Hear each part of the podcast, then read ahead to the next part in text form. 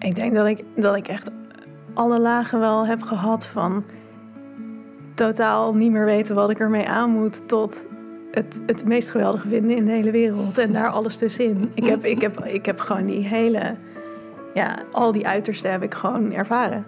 En wat ik dus doe, is dat ik andere mensen weer terugbreng in die verbinding met zichzelf. En dat ik nu pas begrijp, na 38 jaar, dat ik dus die eigen verbinding totaal moest verliezen ook om mijn werk zo goed te kunnen doen. En het was gewoon letterlijk alsof ik zeg maar zijn ziel soort uit zijn lichaam zag vliegen terwijl de deur dicht was. Dus ik zag zijn lichaam ook helemaal niet, maar het voelde wel zo, zeg maar. En daarbij kwamen de woorden not in this life. Op het moment dat je alleen maar aan het lullen bent, dan ben je gewoon alle verhalen die jij zelf hebt geconstrueerd, ben je gewoon alleen maar aan het herhalen. Precies. En uh, ja, de, de realiteit verandert daar niet mee. Ja, Ferry, ik heb een super tof idee. Wij gaan met Wim Hof de Kilimanjaro beklimmen in recordtempo. Het is vast super goed voor jouw depressie om dat ook te gaan doen. Hoe uit connectie ik was met mijn lichaam. Toen dacht ik, oh, dit, dit kan toch niet? Dat ik echt alleen maar mijn leven leef vanuit dat hoofd. Terwijl ik een heel lichaam onder me heb. Waar ik, niet eens, ik kan niet eens voelen waar die zit, zeg maar. Ik naar jezelf kijken en durven erkennen dat jij ook um, stukken in je hebt waar je misschien niet zo graag naartoe zou willen bewegen, die je misschien liever niet zou willen zien. Maar op het moment dat je die gaat erkennen, dan kan je, kan je jezelf echt bevrijden.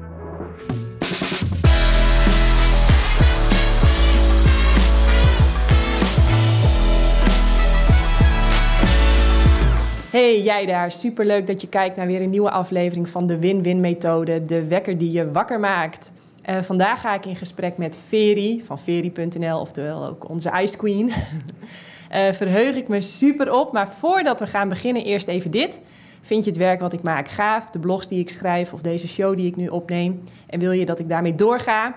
Uh, of lijkt het je bijvoorbeeld leuk dat wat meer mensen wakker worden? Um, deel dit dan volop op je social media of ga naar jannekevandermeulen.nl en zoek dan naar de knop doneer. En daar kun je doneren. Yes, gaan we beginnen. Veri, welkom. Thanks. Superleuk. Ik vind het heel leuk om hier te zijn. Ja. Wil je iets vertellen over hoe wij elkaar hebben leren kennen? Oh, ja, maar ik weet dat jij dat verhaal echt tien keer beter kan ah. vertellen. nou ja, omdat jij net al zo heel stellig tegen mij zei... ja, toeval bestaat niet. Ja, en, daar ben ik wel over uit, ja, inmiddels. Ja. nou, dan moeten we daar nog maar eventjes... Ik ga het direct opschrijven, want... Um, ja, want hoe hebben wij elkaar leren kennen? Nou, inderdaad, dat is een grappig verhaal. Um, ik werd benaderd door Isabel Veteres.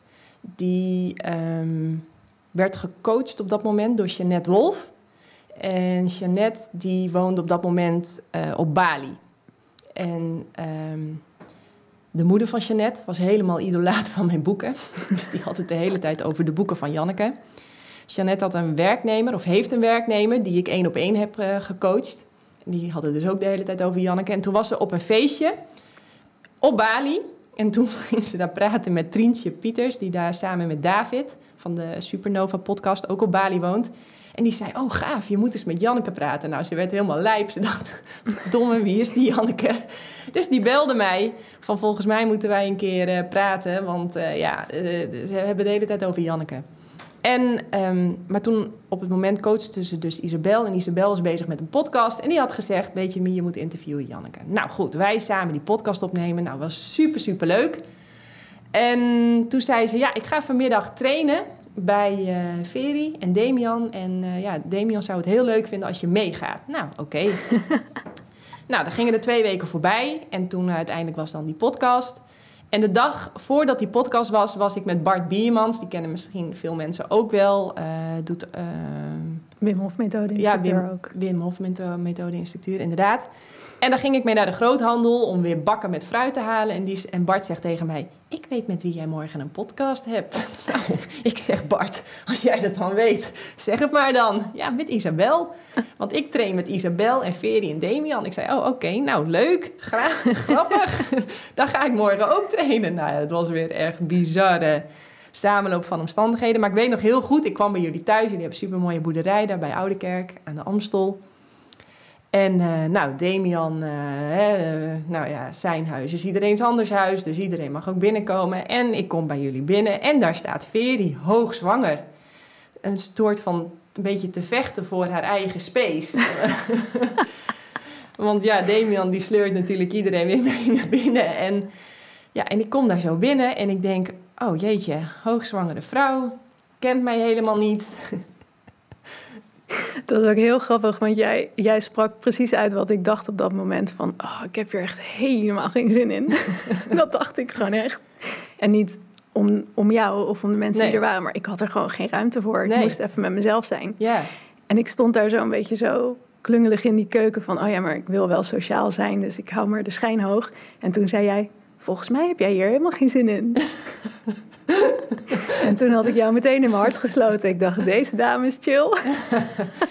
ja, ik dacht, nee, deze moeten we ruimte geven. Dus ik ben ook weer weggegaan toen. En ik ben toen ook heel lang eigenlijk niet binnen geweest. Alleen maar in het trainingshok. Klopt, ja. En toen, uh, nou ja, werd op 9 mei werd Joy geboren. En toen heel langzaam werd jouw wereld weer groter. En toen weet ik nog heel goed, dat is misschien, ja, ik vind dat heel bijzonder.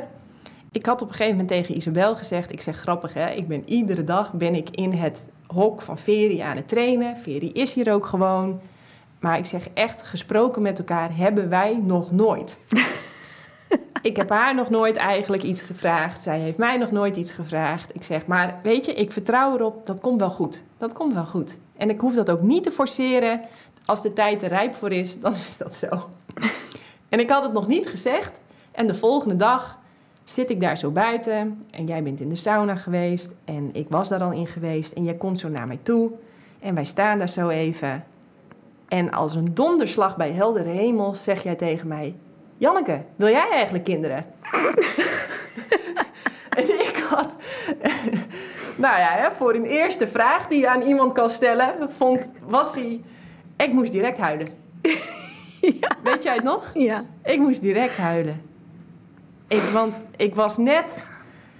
Ja, ik had mezelf zo eigenlijk gemarteld met die vraag. Al 15 jaar lang. Wil ik dat? Wel niet, wel niet, wel niet, wel niet. Voordelen, nadelen. Ja, ik weet niet. En, en ineens vroeg jij het mij echt... Ja, zo, zo direct. En, en wat ik ook heel magisch vond, ik had net geconcludeerd voor mezelf dat iets waar ik zo vaak over nadenk, hè,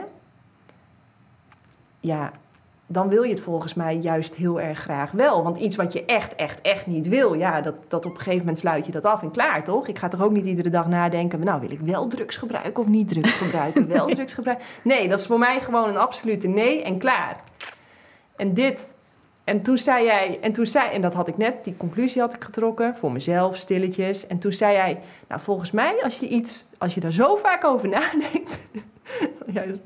en toen dacht ik, oh ja, dat had ik net zelf ook geconcludeerd. En nu krijg ik hem recht in mijn gezicht. Dankjewel, dankjewel. Nou ja, uiteindelijk, volgens mij was ik een week later ook direct zwanger. En kregen we uiteindelijk op dezelfde dag, 9 mei, een dochter. Nou, dat hebben we toch wel knap gedaan. Precies een jaar later, ja. Precies een jaar later. ja. Ja. Hoe heb jij dat eigenlijk ervaren dat we altijd bij jullie in de tuin aan het trainen zijn? Nou ja, ik denk, ja, eigenlijk letterlijk hoe ik het net zei. Ik, vond, ik had een soort tweestrijd. Want aan de ene kant vond ik het superleuk om al die mensen te kunnen ontvangen en bezig te zien. En ook um, nou ja, waar jullie mee bezig waren. Dus lekker trainen, lekker in de sauna, lekker in het ijsbad. Al die dingen die ik ook heel graag doe en die ik graag samen met mensen doe. Want in mijn eentje vind ik ze een stuk minder leuk. Uh, ja, dat vond ik super fijn om te zien. Maar tegelijkertijd zat ik in een situatie waarin ik ja, dat eigenlijk zelf niet, ja, niet kon. Dat klopt niet helemaal, maar gewoon waar dat voor mij even niet was, zeg maar. Waarin ik gewoon prioriteiten ergens anders had liggen. Uh, zwanger zijn, baren, daar van bij komen. Nou ja, best wel grote dingen in een leven van een vrouw. en ik, eh, wat ik het lastigst vond, was niet zozeer dat die mensen dan op mijn terrein waren. Want weet je, het terrein is groot genoeg. Ik kon gewoon lekker in huis mijn ding doen. Dat kon ik allemaal wel gewoon accepteren. Maar ik wilde meedoen. Oké. En dat deed zo'n pijn diep van binnen dat ik dat dus niet kon. Ja. En daar heb ik echt, ja, heel oprecht, ik heb daar gewoon echt last van gehad, best wel lang. Ja. Vooral in die, die kraamweken, dus de eerste weken dat mijn dochter was geboren. Dat ik echt zoiets had van, ik wil weer aan de slag en ik wil weer dingen doen. Maar ik vond het ook best wel intens. Zo, zo, het was even voor de luisteraar misschien handig om te weten... Mijn, ons eerste kindje van mij en mijn partner Damian. Ehm, ik vond die kraamweek ook best wel lastig. Dat, dat zo'n klein wezentje zo afhankelijk van je is. En eigenlijk echt alleen maar van jou als vrouw. Zeker als je borstvoeding geeft. Dus gewoon de hele tijd dat wezen tegen me aan. Ik wilde daar af en toe ook een beetje uitbreken. En dan dacht ik, oh, er zijn die mensen daar lekker aan het sporten buiten en lekker aan het ijsbadderen. Ik wil ook. Maar ja, het, het ging niet. Je, ik had gewoon echt iets anders te doen. Dus um, ja, dat was uh, een interessant proces. maar op een gegeven moment ben je natuurlijk steeds meer met ons mee gaan trainen. Hoe vond je dat? Ja, superleuk. Superleuk. Ik bedoel, gewoon, ineens voelt het nu al heel ver weg, omdat het was pakken met anderhalf jaar geleden of zo. Um, maar dat op een gegeven moment, ja, Joy en ik ook wat meer gewoon naar buiten gingen. Um, en, en ik ook wel het gevoel had dat ik haar gewoon een tijdje eventjes aan iemand anders kon overdragen. En we lekker in de gym konden zijn. Ja, en ik dat heb ook nog met haar gewandeld. Ja, en, uh, dat gewoon iedereen om beurten oefeningen aan het doen, doen was, uh, krachttraining. Stonden we in dat, in dat hok en iedereen om beurten joy vasthouden en om beurten trainen. Nou, weet je, want je moet, ja, ik weet niet of mensen een beetje bekend zijn met krachttraining. Maar je hebt gewoon pauzes tussendoor om even uh, weer bij te komen. Om weer op te laden voor je volgende set, zeg maar. Ja. En... Um, en dat elke keer als iemand dan pauze had, dan had iemand Joy vast. En ze had heel erg last van darmkrampjes. Dus ze was nogal af en toe dat ze daar echt problemen mee had en een beetje huilerig werd. En dan ging gewoon iemand maar met haar squatten, want dan waren ze maar bezig, weet je wel. En dan kon zij ook een beetje bewegen en daar werd ze blij van. Ja, ja heerlijk, fantastisch. Ja, dat, dat dat ook kon, um, is eigenlijk ook wel een grappig verhaal. Um, want ik was, toen ik zwanger was, was ik een boek aan het lezen. Ehm, ik ben even de naam van het, van het boek kwijt. Uh, nee, kom ik kom misschien later nog op. Maar ik was een boek aan het lezen waarin... Uh, uh, of, volgens mij heet het Wat baby's nodig hebben... of Wat baby's echt nodig hebben of zo, was de naam van het boek. En een beetje een, ja, een, een andere manier van naar opvoeden kijken. Daar ging het heel erg over. En in dat boek stond van, ja, weet je... Um, een, een, best wel veel gehoorde quote. Um, it, takes a village to raise a child. Zeg maar die quote. En dan daaronder een heel stuk uiteengezet waarom je eigenlijk um, behalve de moeder en de vader nog een derde persoon nodig hebt als caretaker wanneer je net een kindje hebt gekregen. En ik, ik was dat aan het lezen en ik dacht, oh, dat zou dan zo chill zijn als die derde persoon er zou zijn. Want uh, ja, ik, ja, we moeten er blijkbaar drie hebben. We zijn maar met z'n tweeën. En ik, voor mijn ouders zijn overleden. Dus we hebben ook maar één stel grootouders. Dus ik kan ook niet echt op mijn ouders terugvallen. Dus ik las dat en ik dacht, oh, we moeten die derde persoon. En ik weet dat ik toen dacht, die komt wel. Ik weet niet wie, maar die gaat er komen. Nou, die derde persoon is er dus gekomen. Namelijk Isabel. Ja. Isabel Veteris. Isabel ja. Veteris, die ons eigenlijk heeft geconnect. Die dus ineens had bedacht, samen met mijn man... om een soort 100 dagen challenge te gaan doen... waarin ze elke ochtend om vijf uur opgingen... om weet ik veel wat allemaal te doen. allemaal de, wins voor de dag te gaan voorbereiden met elkaar. Uh, wandelen, trainen, ijsbadderen, uh, werken, weet ik veel. Van alles gingen ze doen. en vanuit een soort gemak had Isabel dus bedacht... oh, dan blijf ik ook bij hun in huis slapen... want dan kunnen we samen om vijf uur s ochtends opstaan. Dus wat gebeurde er in mijn kraamtijd? Dat ik dus gewoon opstond met Joy... En dat Isabel zei: Oh, Veri, heb je al ontbeten? Zal ik een ontbijtje voor je maken? En dan stond er gewoon ineens een enorme ontbijt op tafel. Dus ik, ja, echt bizar. Ja. En ik ben zo met je eens. Hulp vragen, hulp vragen. Want, uh, nou ja, precies een jaar later werd Duitse geboren. En het feit dat de business lekker doorgaat en dat ik zo snel weer kon trainen. Dus alleen maar omdat we de hele tijd een derde, vierde persoon erbij hebben. Ja, ja het is echt zo belangrijk. En waarom denk je dat het zo belangrijk is? Um, nou, eh, ik, zeker voor terugvallen, zeg maar, voor de, voor de vrouw... en laat ik vooral even voor mezelf praten... maar ik herken het wel bij mensen om me heen... is um, jij bent zo aan het geven... dat je gewoon mensen nodig hebt die ook weer geven aan jou. Want anders gaat gewoon je hele kopje raakt leeg. En je hebt ook gewoon niks... je, je kan ook niks anders. Je kan alleen maar geven. Er is, er is geen ruimte voor iets anders. Er is geen ruimte voor opladen. Als, als jij er niet bent, dan... Ja, als je het heel biologisch bekijkt, zou je kind gewoon overlijden. Als je het hebt over een baby van twee maanden of zo. Ja. Die, die kan niet overleven zonder de moeder. Dat gaat gewoon bijna niet. En ehm, nou ja, dan, dan die derde of vierde eh, of tweede persoon ernaast... die dan voor jou die setting kan creëren. Maar ja, ik, ik heb een man die... Het is heel grappig wat bij hem gebeurde toen onze dochter werd geboren. Want hij was een jaar op sabbatical. En de, het moment dat de dochter werd geboren... zag ik gewoon zo'n soort van iets veranderen in zijn ogen... En dat hij dacht van, ik moet eruit, ik moet gaan jagen. En toen is hij gewoon een nieuw bedrijf gestart. Terwijl ik gewoon nog in de, in, de, in, de, in de luiers en de poep en weet ik veel wat zat. En toen dacht ik, dit is interessant wat hier gebeurt. Want hij, hij wil zeg maar het kader creëren waarbinnen wij veilig zijn en waarbinnen er voor ons gezorgd is. Dus wat denkt hij? Ik moet naar buiten en ik moet gaan zorgen dat dat kader er is. Ja. Maar ja, dan zit je als vrouw alleen met je kind. En je bent alleen maar aan het geven. Ja. Nou, daar is die derde persoon voor. Om Ja. vervolgens die bedding weer te kunnen creëren. waarin ook iemand die jou te eten geeft en te drinken geeft. Ja. Zo zie ik het. Ja. Ik vroeg aan Mitchell van eh, een, een beetje, weet ik veel, vijf maanden in de race. ik zei, hoe vind je eigenlijk dat ik het doe als moeder? Toen zei hij, vond ik wel grappig. Hij zei, nou, dat je zo goed voor jezelf zorgt. En ik dacht, ja, maar dat was ook echt mijn prioriteit nummer één. Janneke, goed voor jezelf zorgen. Hè? Want we hebben die drie niveaus van leven. Overleven, leven, geven. En ik ben er zo heilig van overtuigd... dat je kunt alleen maar geven vanuit overvloed. Absoluut. dus de energie, de gezondheid, de liefde. De, ja, het moet over de randen heen klotsen. Want anders, kun je, anders geef je eigenlijk vanuit schaarste. hè, En dan wordt het eigenlijk win, ja, verlies, verlies, verlies, verlies. Zeker. Dus je moet geven vanuit overvloed. En eh, dat hoor ik jou eigenlijk nu ook zeggen. Wat deed het mentaal met jou? De, de, het besef dat, dat, dat Joy gewoon 100% afhankelijk is van jou? Hmm, wat deed dat mentaal met mij? Ik denk dat ik, dat ik echt alle lagen wel heb gehad van totaal niet meer weten wat ik ermee aan moet tot het, het meest geweldige vinden in de hele wereld en daar alles tussenin. Ik heb, ik heb, ik heb gewoon die hele, ja, al die uitersten heb ik gewoon ervaren. En ehm,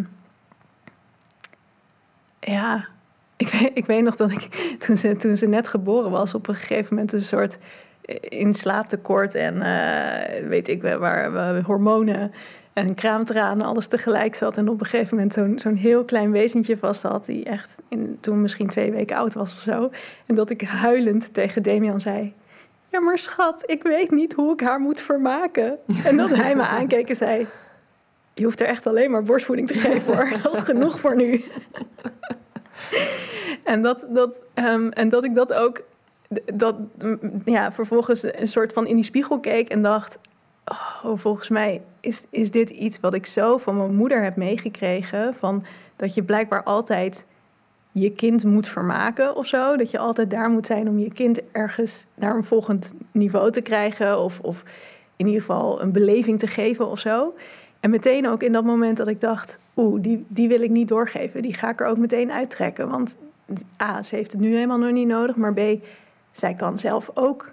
ehm, zij, zij kan zichzelf ook vermaken en ze kan zichzelf ook dingen aanleren. En ik hoef eigenlijk alleen maar die, die veilige bedding voor haar te creëren. En de grap is dat dat dus de hele tijd, ze is nu anderhalf, dat het echt de hele tijd terug is gekomen in elke fase van haar ontwikkeling ook. Dat er weer even zo'n moment was dat ze weer even wat meer mama nodig had. En dat ik dan dacht, oh, hoe ga, weet je, hoe ga ik dit nu weer doen? Nu, nu moet ik er weer dichtbij me houden. Ehm, maar dat dan vanzelf ook die beweging kwam dat ik merkte dat ze, dat ze daar weer uit wilde gaan. En dat ze zichzelf weer wilde gaan, ehm, ja, zelf weer iets wilde gaan leren en wilde gaan ontdekken. En, Ja. en de creativiteit daarin wilde stoppen. En hoe goed ze dat dus eigenlijk ook zelf kan. Maar dat ik dus merkte dat ik zelf een overtuiging had van ja, maar dat kan een kind helemaal niet. Dat kan een kind helemaal niet. Dat moeten we, dat moeten we ze meegeven. Ja, compleet niet waar. Nee, dat is En- compleet niet waar. Een gezond kind wil juist bij de moeder ook weg. Dus die, moet je, die moet je loslaten en die moet je vrijlaten. En die kijkt af en toe even van... oh ja, is die veilig bij... oh ja, en dan gaan ze weer En dan op gaan ze avontuur, weer. weer. slopen. Ja, Tenminste, dat zie ik aan de Slopen. Die sloopt alles.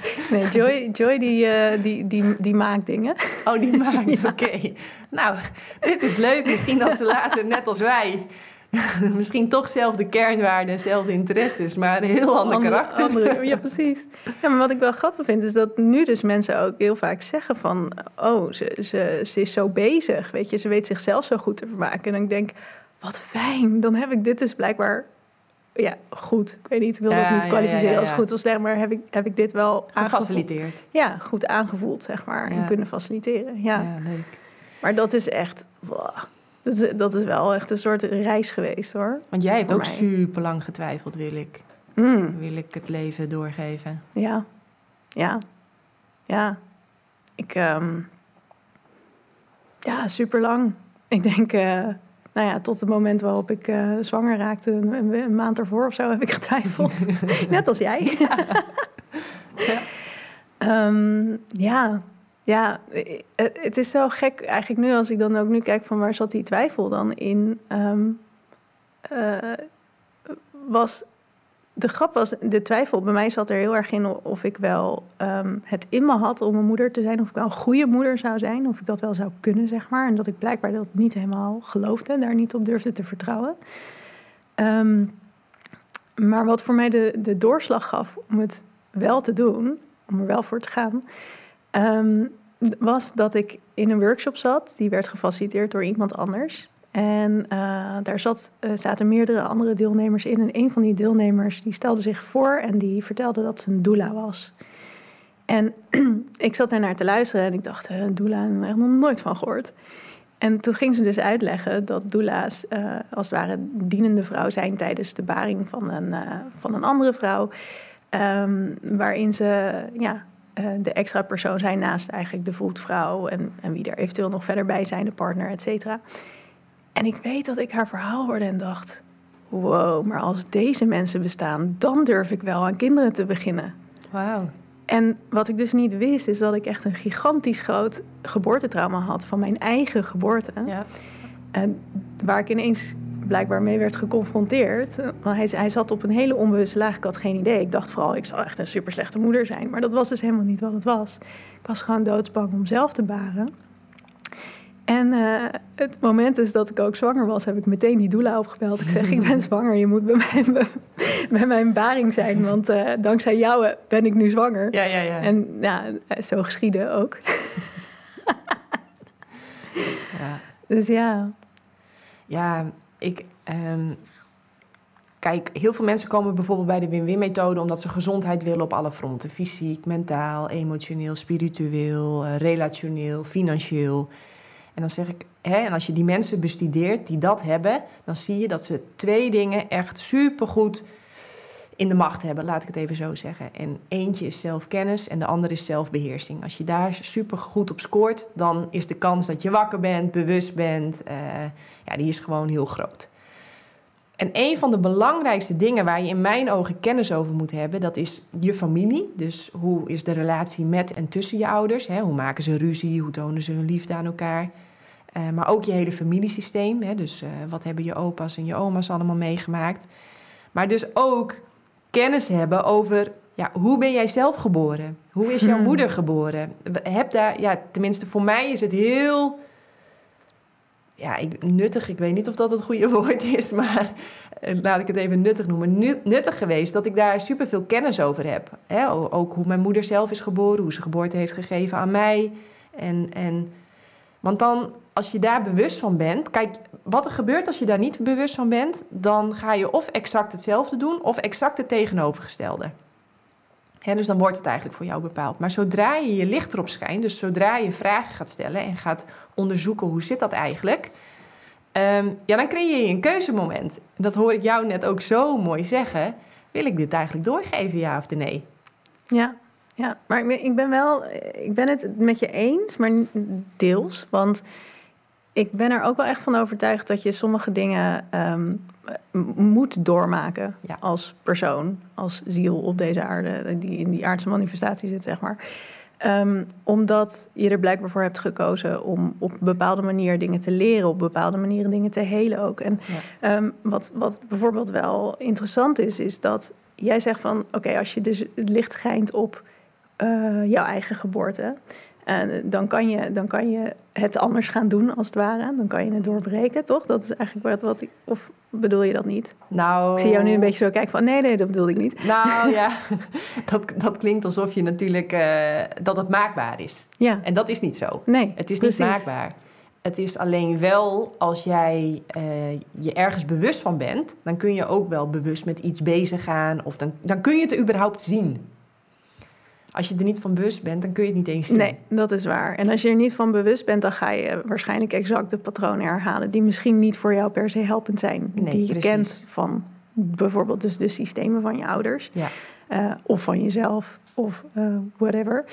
Um, maar je kan het inderdaad wel naar die bewuste laag trekken. Maar dat wil niet zeggen dat, de, dat de situatie die zich gaat voordoen anders is. Wat wel anders kan zijn, is de manier waarop jij met die situatie omgaat. Precies. En dat is dus wat ik zelf heb ervaren in mijn eigen uh, baring. Dus toen ik geboorte mocht geven aan mijn dochter Joy, um, dat, uh, dat geboortetrauma wat ik zelf had. Um, dat moest ik helemaal doorleven in, in dat hele proces van die geboorte geven. Nou, ik had gelukkig tijd, want uiteindelijk duurde het 27 uur. Lachen we nu om. Maar ik heb echt een soort van, een soort alsof ik zeg maar het hele systeem van alle moeders van mijn moeder, van mijn moeder, van mijn moeder, zeg maar achter me zag staan. Heb ik zo gevoeld in die geboorte in uh, een stukje doodsangst. Dus zeg maar bang zijn dat je doodgaat uh, terwijl je geboorte geeft, maar ook bang zijn dat je kind doodgaat. Dat, dat stuk, dat kon ik helemaal voelen. Maar de grap was dat ik al had besloten dat mij dat niet ging overkomen. Dus dat ik dat kon voelen van dat is van hun. Ik snap nu dat ik hier doorheen moet, maar dit is niet van mij. Dus ik was no way bang dat mijn uh, dochter zou komen te overlijden. Ik wist gewoon, zij is helemaal oké. Okay. Ja. Ik was helemaal ook niet bang voor mezelf. Ik vond het wel knetterzwaarder door, maar goed, ander verhaal. Ja. Um, maar wat ik heel graag wilde, was dat uh, ik dus... Nou, ik had, ik had helemaal zo'n soort uh, van... ik ga me hier gewoon doorheen manifesteren. Dus ik had ook helemaal zo'n visioen of zo'n zo'n beeld voor mezelf samengesteld van... ik ga me gewoon door die baring heen uh, mediteren als het ware. Ik heb al die mensen hulp ingeschakeld. Komt helemaal goed, weet je. Ik ga dit doorbreken, dit, dit patroon in de familie. En... Um, uh, dat werkte tot op zekere hoogte. Maar ja, het was, het was ook intens, want ik moest door al die lagen heen. Dus het was heel vermoeiend. En op een gegeven moment weet ik dat ik, dat ik dacht van... Oh, ik ben eigenlijk wel klaar mee. ik wil eigenlijk me wel op een volgende laag laten helpen. En terwijl ik eigenlijk wilde dat het een uh, thuisbevalling zou worden. En dat zij dus echt een hele zachte landing zou hebben... die ik dus zelf niet had gehad. En daar had ik pijn van. Dus ik dacht, ik wil ten alle tijden voorkomen dat zij, dat ook, dat zij ook niet zo'n zachte landing heeft. Dus ik wil haar die zachte landing geven thuis. Moest ik op een gegeven moment besluiten...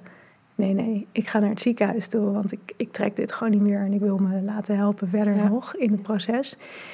En um, het was zo bizar wat er gebeurde... want ik ben zelf op aarde gekomen... en dat is ongeveer het enige ook wat ik weet... Um, via een vacuümverlossing die best wel intens was, omdat ik ook twee keer de navelstreng om mijn uh, nek had. Ik weet niet eens waarom ik dit weet, maar mijn moeder heeft het blijkbaar een keer verteld aan mij. En um, nou ja, wat gebeurt er? Ik kom in het ziekenhuis en de gynaecoloog zegt... ja, je dochter ligt er wel een beetje moeilijk voor. Met, uh, ze ligt in sterrenkijker met haar schouder voor de uitgang. Dus we moeten er op de een of andere manier gaan draaien. En eigenlijk het enige wat we kunnen doen is met een vacuümverlossing. En ik had in mijn geboorteplan heel groot staan... geen vacuümverlossing. Als dat moet, dan maar keizersnede. dus er zijn twee opties. We doen een keizersnede of een vacuümverlossing. En ik weet dat ik in dat moment dacht... nee, ga echt geen keizersnede doen. Dus ik meteen, hup, streep door mijn geboorteplan. Nee, we gaan die vacuümverlossing uh, gaan we gewoon inzetten. En uiteindelijk was, was Joy dus geboren. En toen kwam die gynaecoloog naar me toe en die zegt... Weet jij dat ze twee keer de navelstreng rond haar nek had? Toen dacht ik, nou, schiet mij maar lek. Hoe dan? Hoe dan? Gewoon precies hetzelfde. Ja. Maar wat dus anders was, was mijn, mijn beleving ervan. Namelijk dat ik in het hele proces nooit bang ben geweest dat er iets niet goed zou komen. En dat, dat kunnen transformeren, daar zit dat stukje natuurlijk, uh, het, het, kunnen aankijken en dat, dat stukje licht erop schijnen. Dat je er gewoon voor kan kiezen om op een andere manier naar de, naar de realiteit te kijken, op een andere, een andere perceptie eigenlijk te hebben over de realiteit. Door, ja, door de acties die je daaraan verbindt. Weet je, ik heb dat geboorteteam samengesteld omdat mij dat vertrouwen gaf. Um, En daar, ja, dat heeft ook geholpen. Dat heeft uiteindelijk ervoor gezorgd dat het hele proces niet naar was als ik er nu op terugkijk. Nee. Maar de situatie is toch altijd neutraal? Sowieso, ja. Wij kleuren hem in, dat is waar. Ja, ja daar heb je gelijk in. Ja, de situatie is altijd neutraal, maar ja, kijk, dat is als je er vanuit een, vanuit een hele bewuste laag naar kijkt. Alleen ehm, wij aardse wezens hebben de neiging om ook situatie te kleuren. En ik had die situatie rond ehm, dat, dat geboorte geven, had ik enorm ingekleurd. Omdat ik mijn dochter ergens van wilde beschermen. Dus dat had voor mij, zat daar, uh, zat daar heel erg een kleuring in. Van dit kan goed gaan of dit kan fout gaan. En dit is hoe ik het wel wil en dit is hoe ik het niet wil. En uiteindelijk, ja, blijkt dat dus totaal een construct te zijn bedoel, ja, is het waar? Nee. Maar dat was wel het verhaal wat ik mezelf vertelde en wat op dat moment er voor mij gold. En dat, ja, dat doen we overal in ons leven. Ik denk, als wij, als wij altijd neutraal kunnen staan in elke situatie, dan, dan is er geen lijden meer. Dan zou lijden gewoon totaal niet bestaan. Mhm. Maar dan bestaat er ook geen plezier en dan bestaat er ook geen uh, verdriet. Dan is alles een soort van mm. afgevlakt. Nee. Denk je niet? Nee. Als er geen lijden is, het tegenovergestelde van lijden is vrede. Dus dan is er altijd vrede. Ja. En in, in, in die vrede kun je uh, plezier ervaren, verdriet ervaren. Het enige is, je neemt het niet mee buiten het nu. Dus het, je neemt het niet mee. Uh, dus je gaat niet uh, op moment X de pijn van tien jaar terug eigenlijk als bril opzetten en daarmee naar de huidige situatie kijken. Dus het is, er is verdriet. In het nu kan er verdriet zijn. In het mhm. nu kan er plezier mhm. zijn. Mhm. Zeker, juist meer. Omdat het hele pure verdriet is, een hele pure vreugde. is, het wordt niet vertroebeld door pijn, verdriet of, of percepties vanuit het verleden. Dus ik, nee, ja, de situatie is altijd neutraal. Kan geen maar op zijn. Ik begrijp wat je bedoelt. Maar ik kan me heel goed voorstellen dat dat voor heel veel mensen heel anders voelt. Hoe denk je dat? Um, Tuurlijk. Nou ja, kijk, het, is, het, het vergt een bepaalde training om zeg maar de situatie als neutraal te kunnen zien. Ja, absoluut. Het, het, het, is, het is je losmaken van elk oordeel wat je over elke situatie zou kunnen hebben, zeg maar. Um, en pas als je dat heel vaak hebt getraind, dan, dan kun je alles neutraal inzien. Of misschien ben je zo geboren, heb je gewoon uh, ongeluk. dat idee heb ik soms bij mijn partner namelijk wel eens. Maar um, uh, het is wezenlijk dat dat, dat dat zo is. Maar in de menselijke beleving voelt dat vaak heel anders. Mm -hmm. um, maar dat is ook, dat is ook de functie van het menselijk leven. Ja. Dat is waarom je hier bent, om een dualistische ervaring te hebben. Exact. En, en, wat, ik, wat ik dus, los van de situatie die neutraal is, maar wat... Um, Weet je, wat, wat ik een beetje, beetje eh, lastig daaraan vind, is op het moment dat je dat gaat zeggen, dan ga je dan, voor mijn gevoel, ga je dan alle uh, uiterste in die dualiteit, in die menselijke ervaring reduceren totdat ze eigenlijk niet zo belangrijk zijn. Of er niet mogen zijn. Dat is misschien helemaal niet je intentie hoor, maar uh, zo voelt dat een beetje voor mij. Terwijl ik denk, ja, fuck dat, weet je. Als wij gewoon helemaal door, door de donkerste van het donkerste gesleurd willen worden, om dat, om dat ten diepste te kunnen ervaren.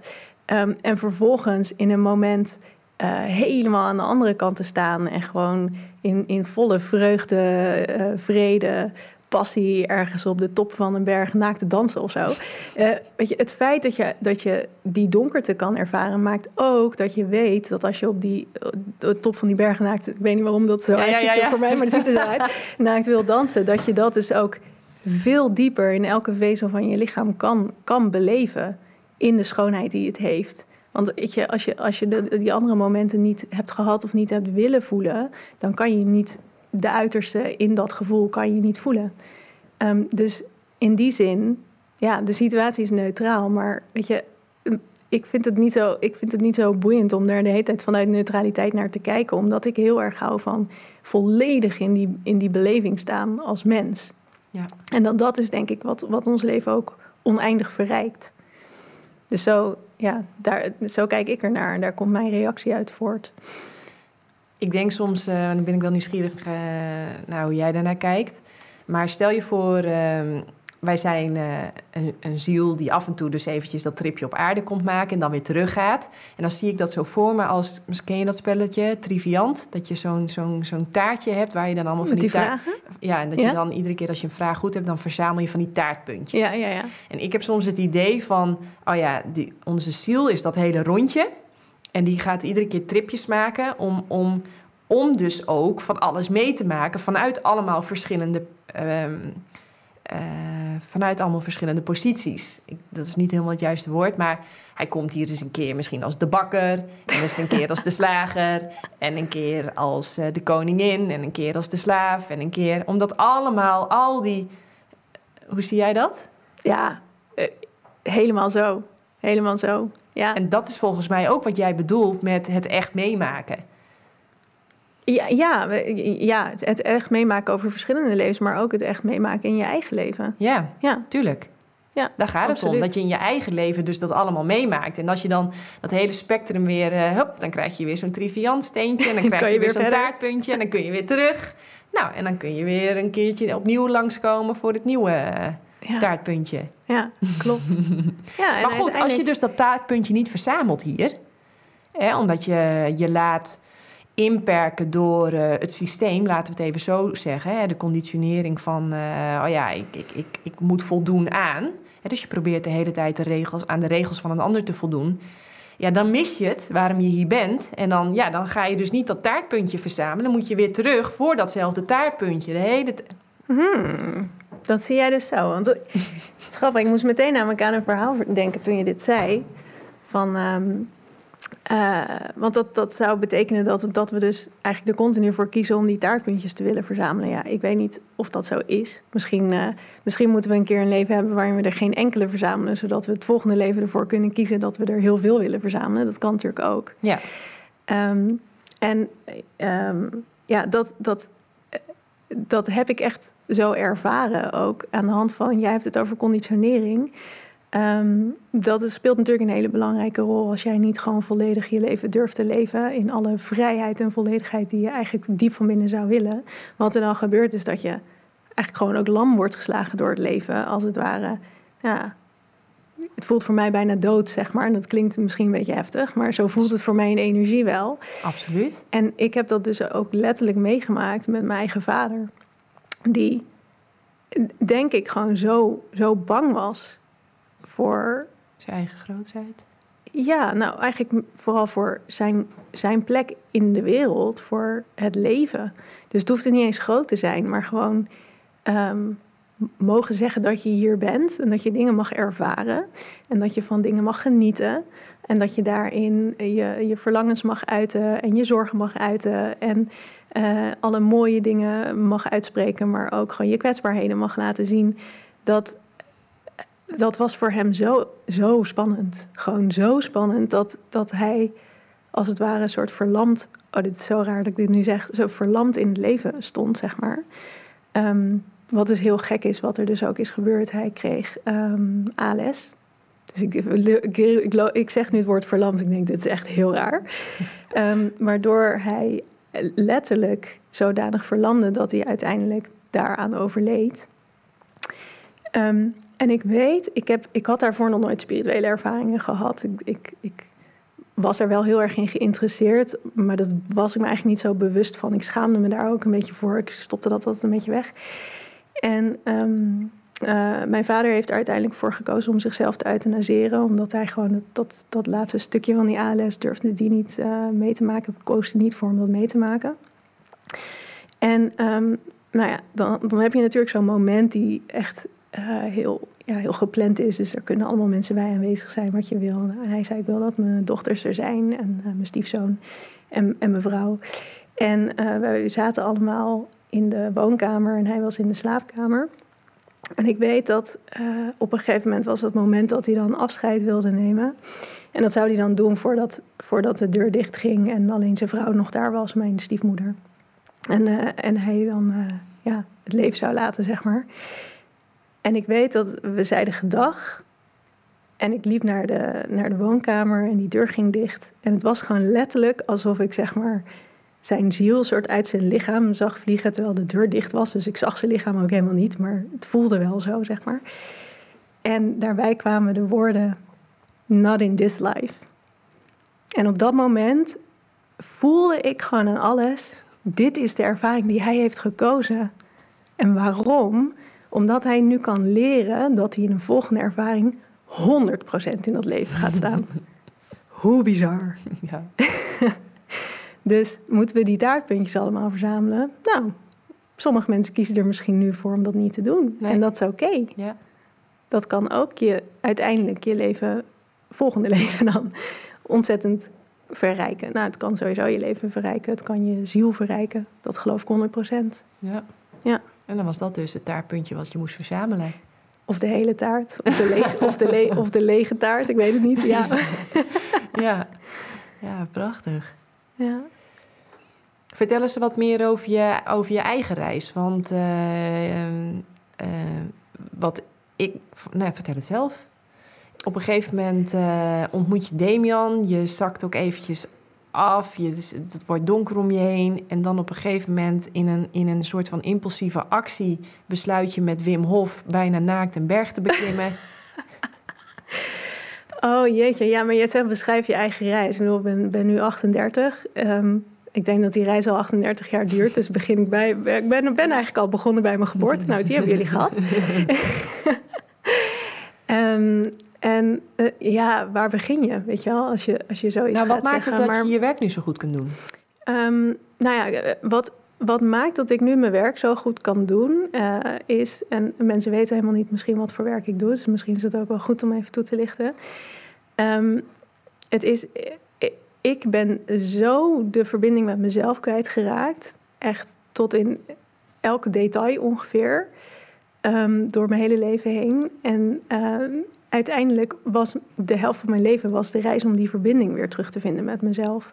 En wat ik dus doe, is dat ik andere mensen weer terugbreng in die verbinding met zichzelf. En dat ik nu pas begrijp, na 38 jaar, dat ik dus die eigen verbinding totaal moest verliezen ook om mijn werk zo goed te kunnen doen. Precies.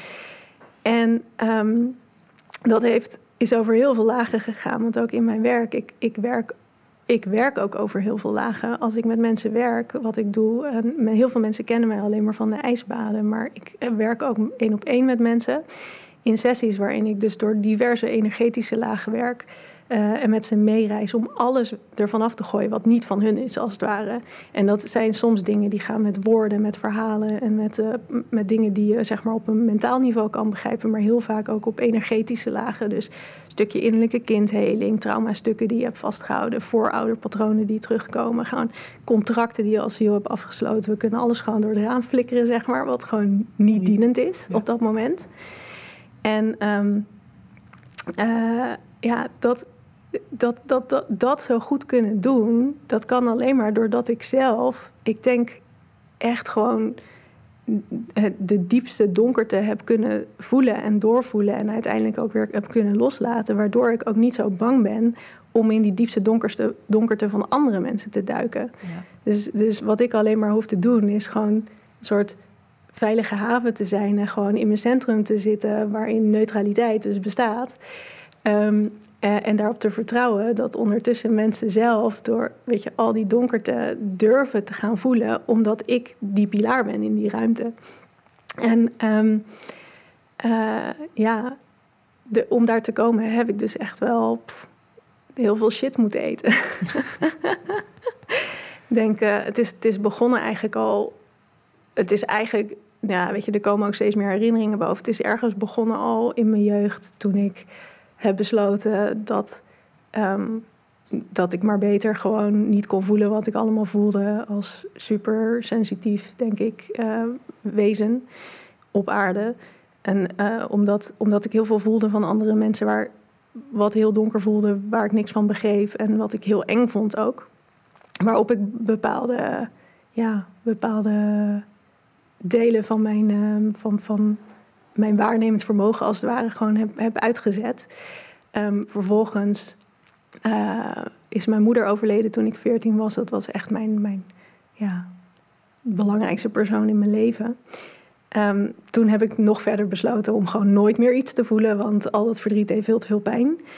En ehm, toen ik Damian ontmoette, mm, toen was er ineens zo'n zo'n veilige ruimte om me heen. Dat al die gevoelens die ik al die jaren daarvoor nooit wilde voelen, dat die ineens allemaal omhoog kwamen.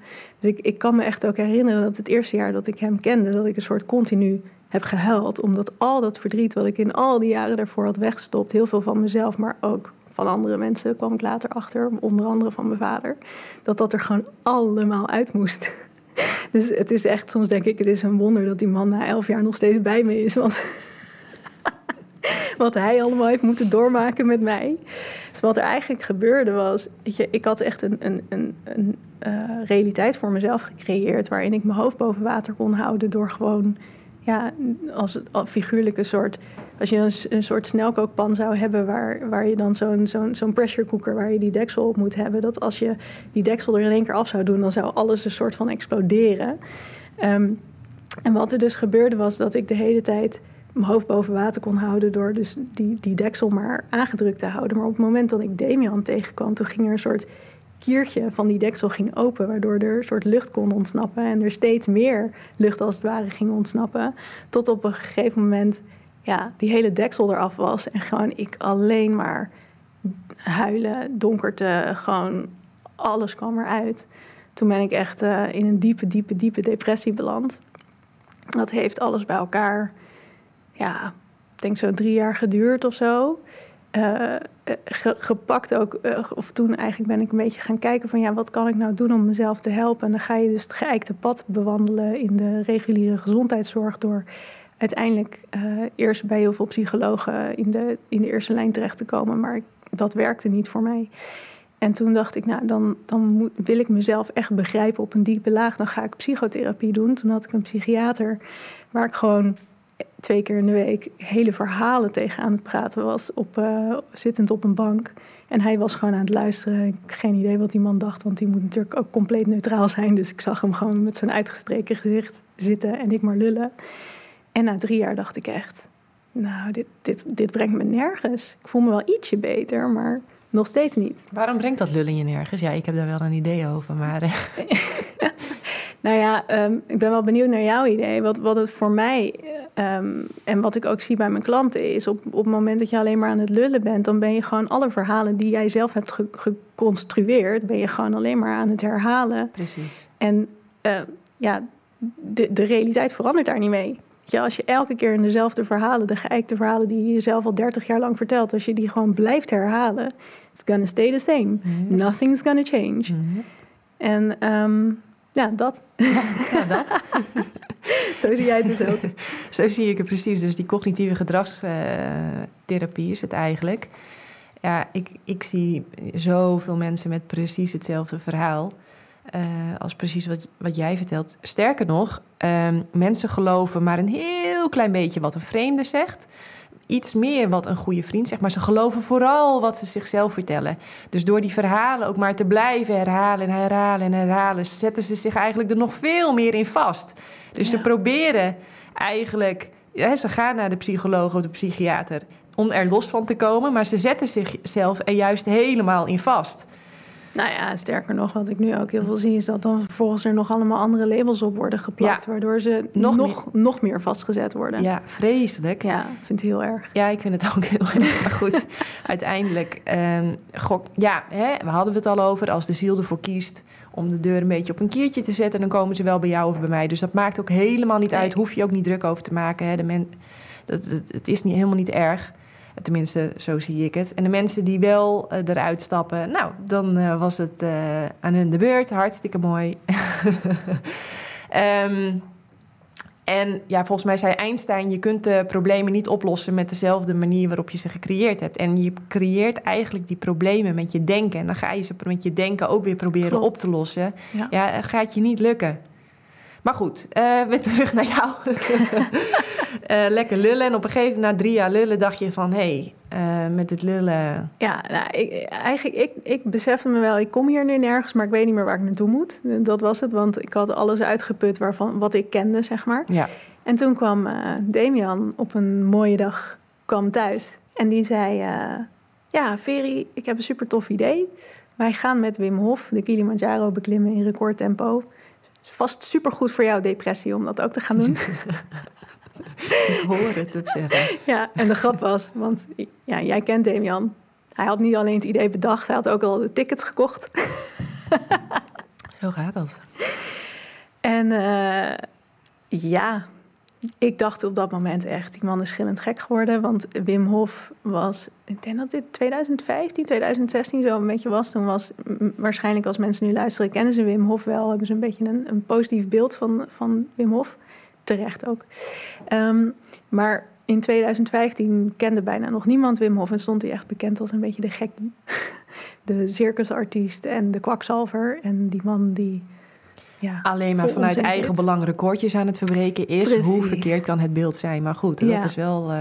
Ja, maar dat, dat was wel uh, het beeld wat om hem bestond. En, en wat ik dus ook meekreeg. Want ja, weet je, ik ging natuurlijk gewoon een beetje googelen wie is die man, filmpjes kijken. En ik dacht echt van: dit is ja, zo niks voor mij. Ook. ook dat dat schreeuwige, dat, weet je, hij is natuurlijk heel, heel extravert persoon die, die gewoon alles externaliseert, wat super mooi is, maar wat ik op dat moment heel lastig vond. Dus ik dacht echt, ja, hoe gaat Damian nou denken dat ik hier beter van word? Ik zat ook in een periode uh, waarin ik me dus besefte dat heel veel van de problemen die ik ervaarde te maken had met het feit dat ik veel te streng voor mezelf was. Dus ik dacht, ja, dus ik moet zachter voor mezelf zijn. Maar als ik zo'n record, eh, in recordtempo zo'n berg ga beklimmen, hoe, hoe zacht ben ik dan voor mezelf? Weet je al?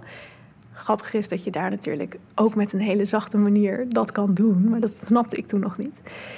Um, dus ik heb eerst geprobeerd om gewoon mijn geld terug te krijgen en die reis te cancelen. Uh, want ik dacht, nee, dit is gewoon niet, niet wat ik nu moet doen. Het is gewoon niet.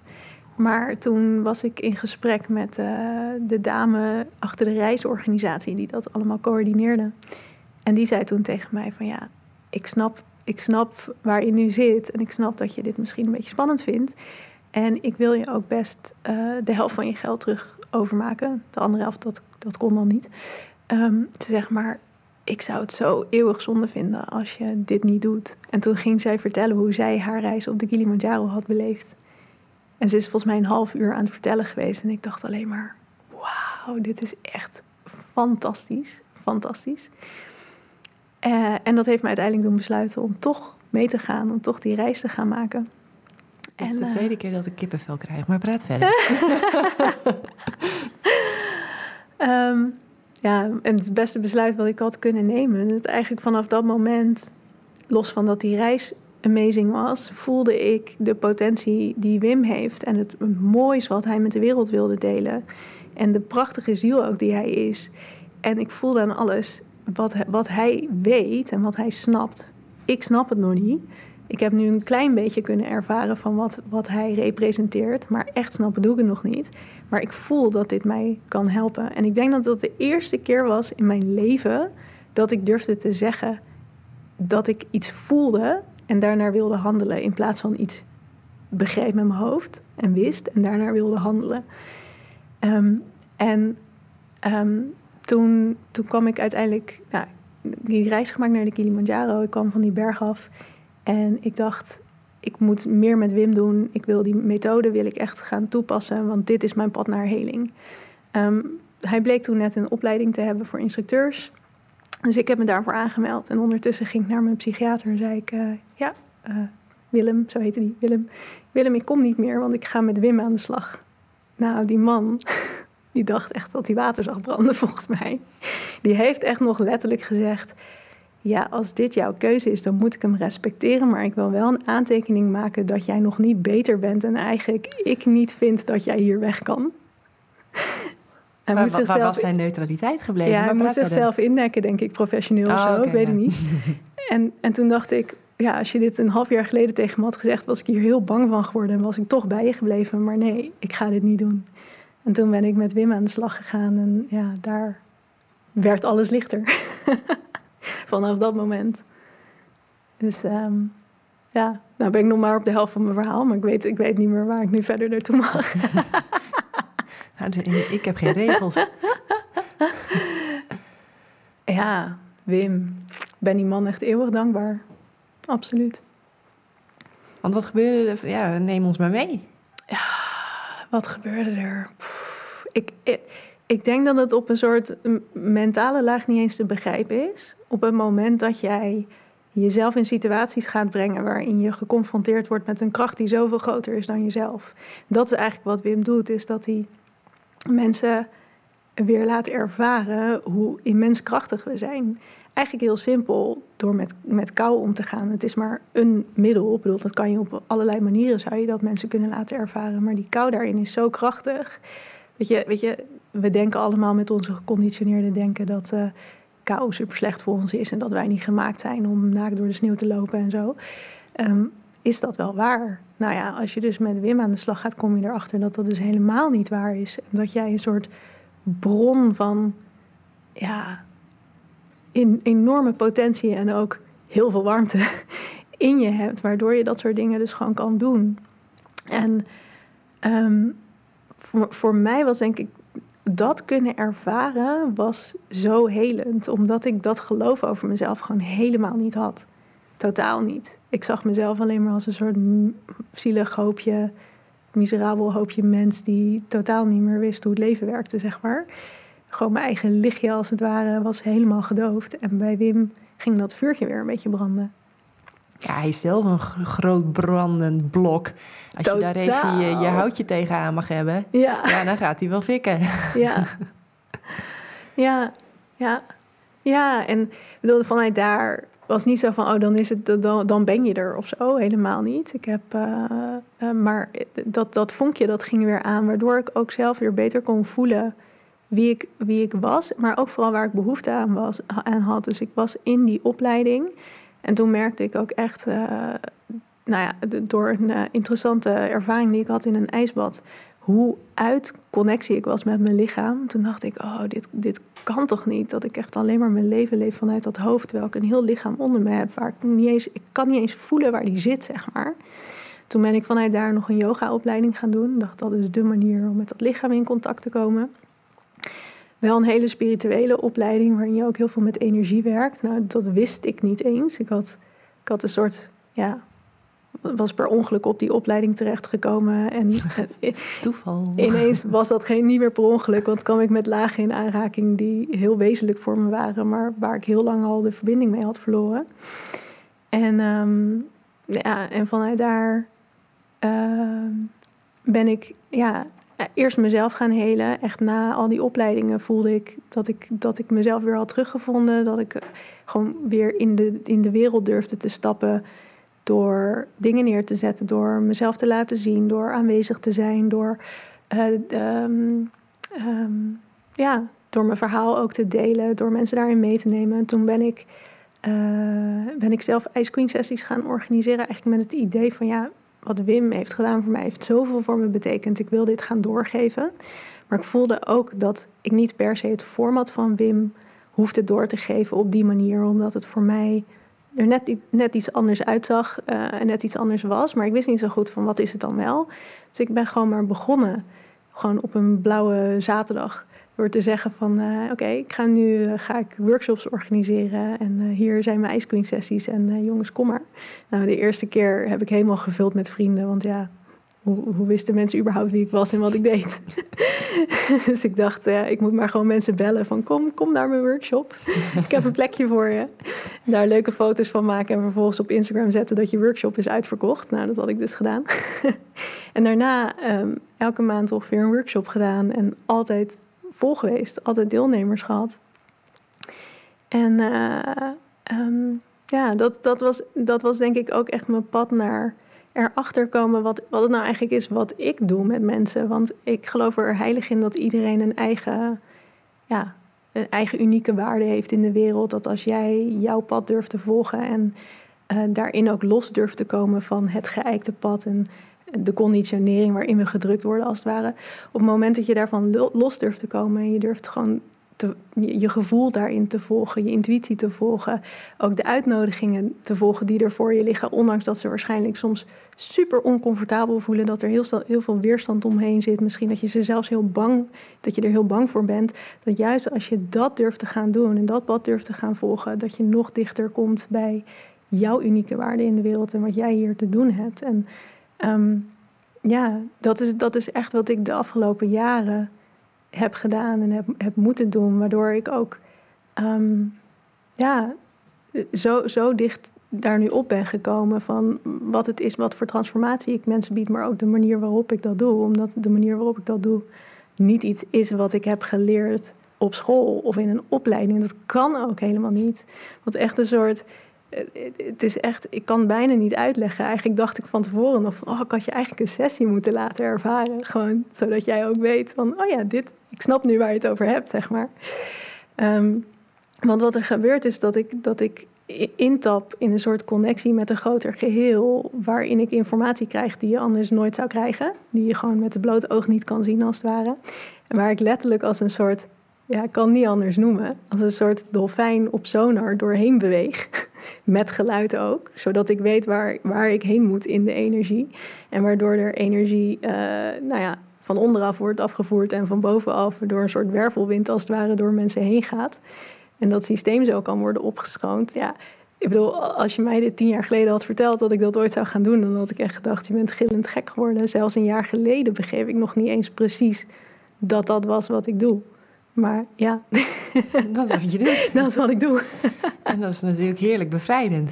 Enorm, ja. Maar ook voor jezelf, want je moet jezelf ook heerlijk schoonhouden. Dat moet echt, ja. Ja, ja. Hoe, hoe zuiverder kanaal je bent, hoe, hoe beter ik dat werk kan doen. En, en dat is vaak ook wel een uitdaging, want je staat ook als aardse persoon in de wereld en je maakt dingen mee. Dus het is ook elke keer weer naar jezelf kijken en voelen: oké, wat heb ik nog te helen? Wat mag ik opruimen?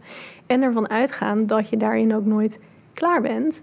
Dus dat ik ook, weet je wel, onbedoeld um, tegenoverdracht zou kunnen doen naar mijn klanten. Dat ik mijn eigen projecties heb, mijn eigen overtuigingen. En dat ik daar gewoon ook heel bewust van mag zijn. Mhm. en, en daar ook heel eerlijk over mag zijn tegen de ander. Ik denk dat dat het vooral is. Want ja, je kan wel zeggen, ik wil, uh, uh, ik wil het grote licht zijn uh, wat, wat, wat er is om zeg maar, die, die space voor iedereen te kunnen houden. Maar ik denk dat je jezelf een beetje voor de gek houdt op het moment dat je zegt dat je dat altijd bent en altijd kunt zijn. Dat, dat, dat kan niet als mens. Nee. Nee, niet als je mee blijft doen. Nee, precies. misschien, ja, ik weet niet, misschien, ja, dat, eh, kan ik niet. Ja, ik dacht, ik, ik zat te denken, misschien als je alleen boven op een bergtop gaat zitten of zo, dat je het schoon houdt, maar dat.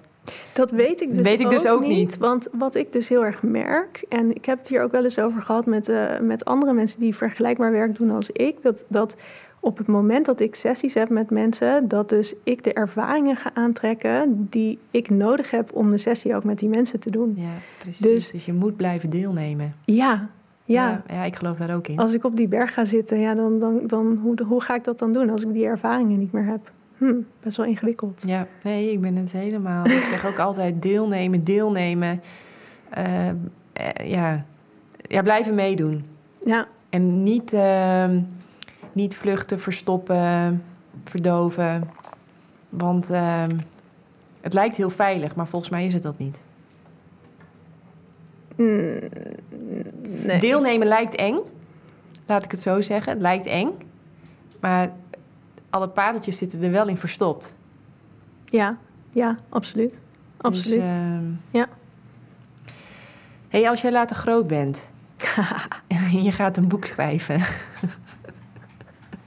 Want dat gaat er komen natuurlijk. Ja, daar hadden we het net nog over, ja. wat, wat, wat, gaat er, wat gaat er in het boek? Wat, wat, wat moeten wij weten?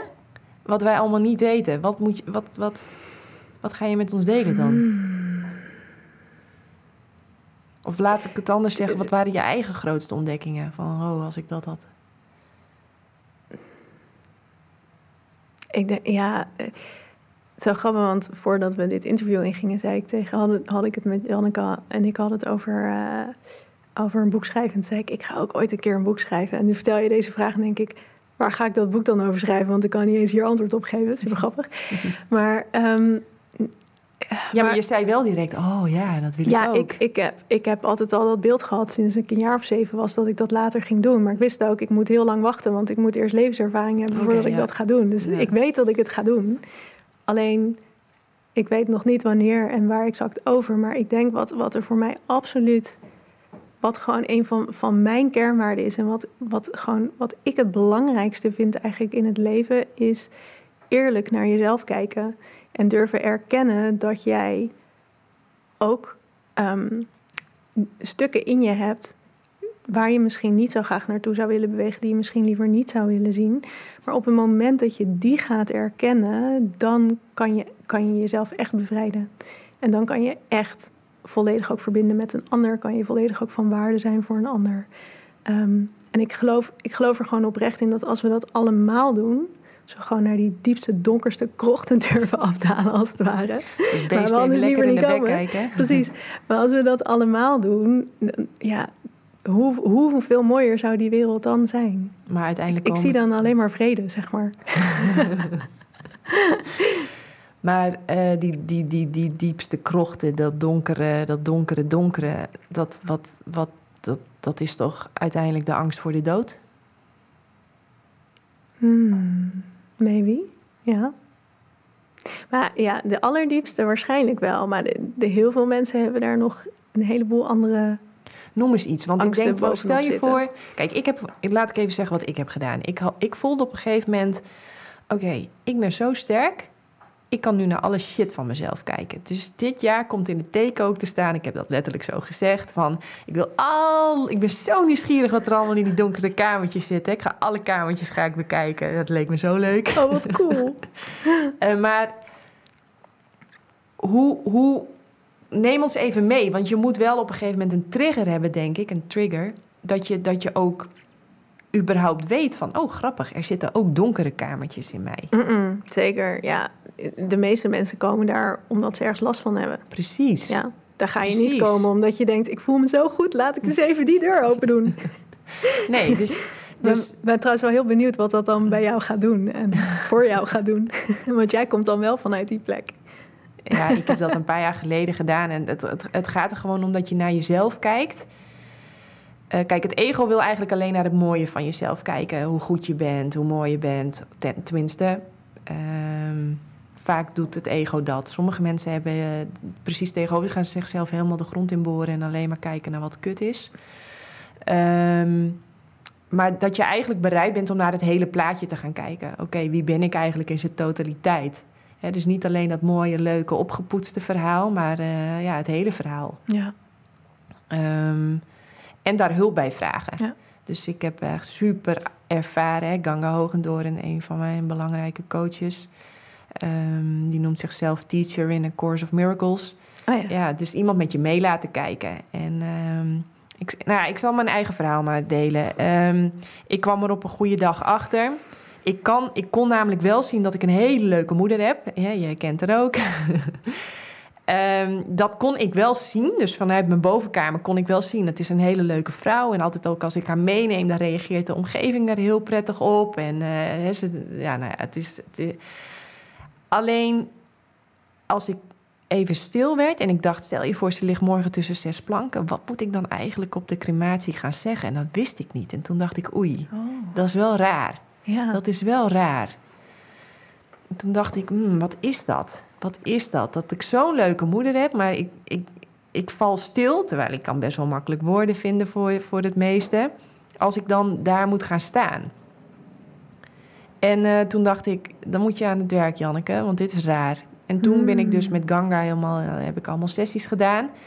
En, um, en toen bleek dat wij energetisch toch iets te veel aan elkaar, aan elkaar geplakt zaten eigenlijk. En um, dat, dat kan allemaal redenen hebben. Dat kan te maken hebben met een abort, abortus wat voor mij is. Hè. Dus ik, uh, de, de, mijn broer of zus is uh, geaborteerd.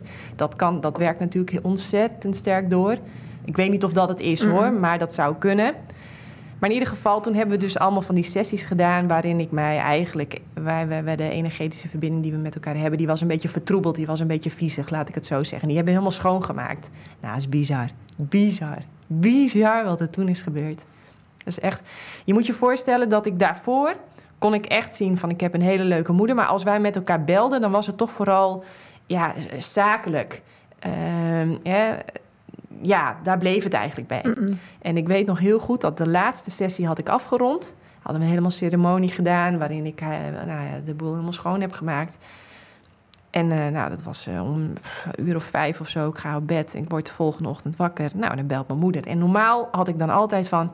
Fuck, ze belt. Daar heb ik geen zin in. heb ik geen tijd voor. En wat is er nou weer? en ze belt. En ehm, ja, ze zegt, eh, ik heb onverwachts vrij.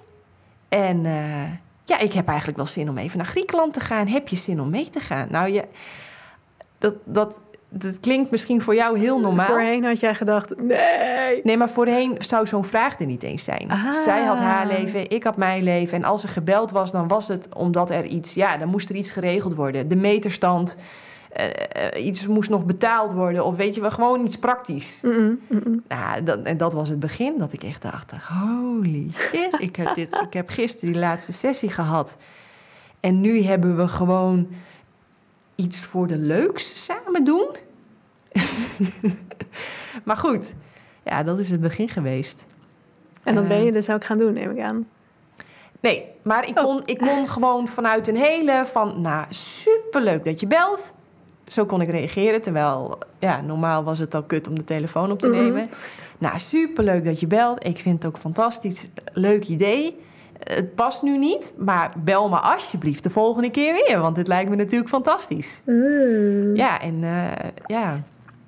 En, en, en sindsdien gingen we ook ineens met elkaar op reis. En gingen we met elkaar bellen. En gingen we het echt ergens over hebben, weet je wel. En, en vertellen over elkaars leven. En, en ja, ineens... Ja, ja nu, en nu is het... Nu, nu, ja, nu kan ik haar veel beter zien met alles, alles erop en eraan. Ja, dat is echt... eh, nou, dat is een voorbeeldje. Super gaaf.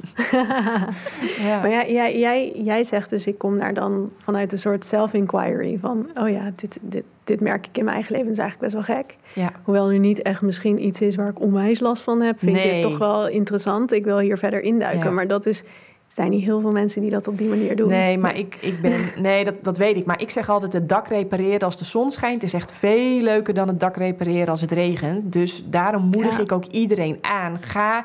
Ik ben zo vaak, hè, Marjolein van der Meulen, ook een belangrijke coach voor mij. Ken jij natuurlijk ook van Heart Connection Nederland. Oh ja, ja. ja. Ben ik ook heel vaak naartoe gegaan en zei ik van, nou ja, eh, het is een negen, maar ik wil er graag een tien van maken. Kunnen we nog eventjes... Want ik merkte bijvoorbeeld, bij naar haar ben ik toegegaan omdat ik merkte dat ik een bepaald patroon ging herhalen van mijn vader.